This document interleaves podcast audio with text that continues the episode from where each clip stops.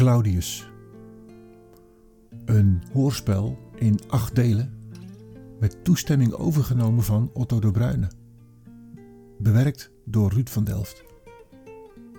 Het verhaal speelt zich af in het begin van onze jaartelling. Een legeraanvoerder kijkt terug op zijn leven en concludeert dat vergeving een grondhouding is om te kunnen leven. Dit verhaal had in de Bijbel kunnen staan. Vandaag deel 7. De kans. Eenmaal in mijn rustkamer op mijn steden galmden de woorden van de Hebreeën door mij heen. Vergeving. Wantrouwen, vertrouwen. Jezus? Wat zijn dit voor niet-Romeinse begrippen?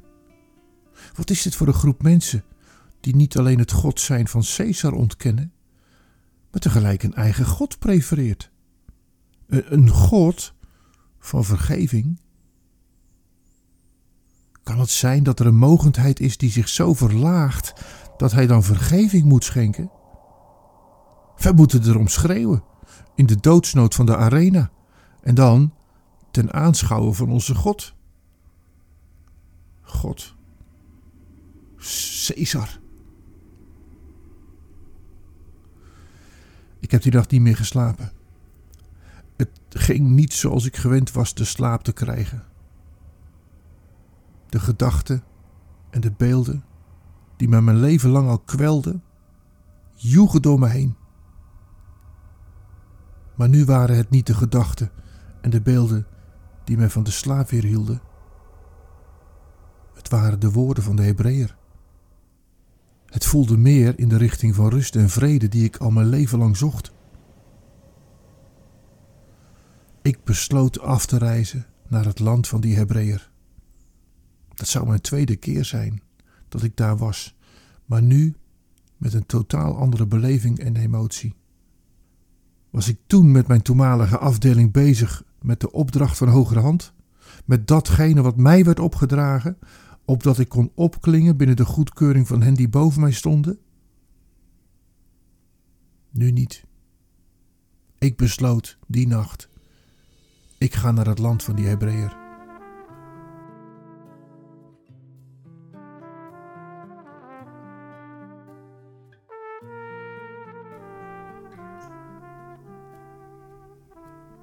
Bij aankomst in maritieme Caesarea ben ik meteen met een meereizend cohort naar Jeruzalem gegaan.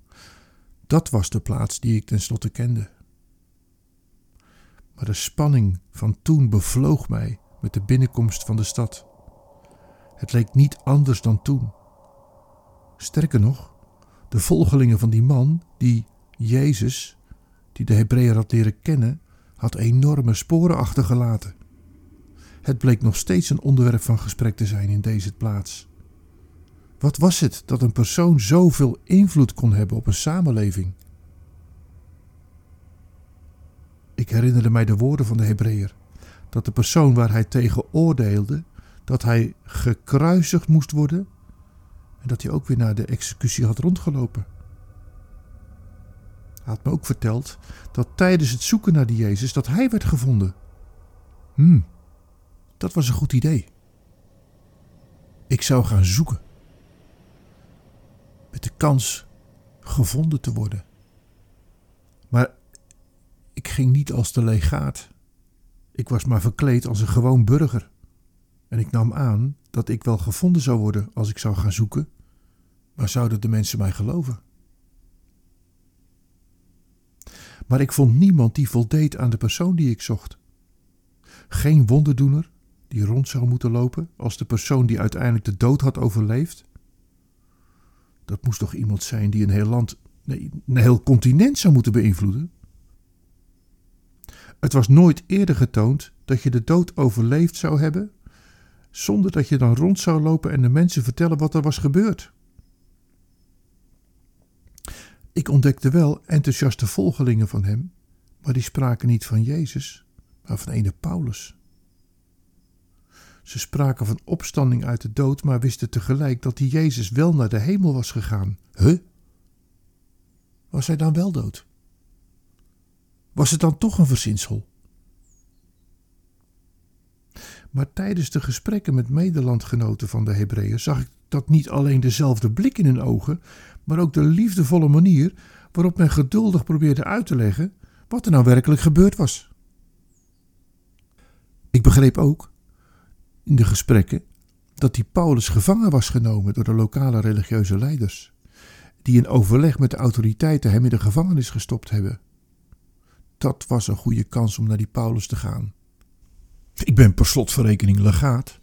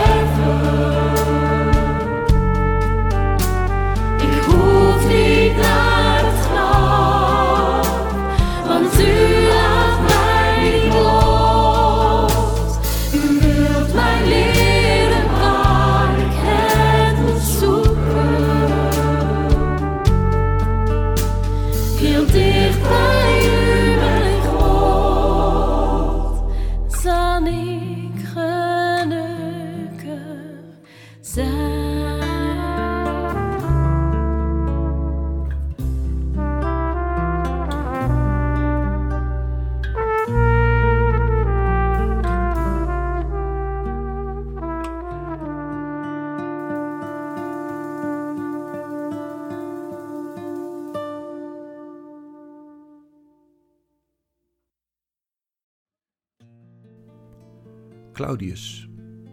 Een theatervoorstelling gemaakt door Otto de Bruyne, bewerkt door Ruud van Delft.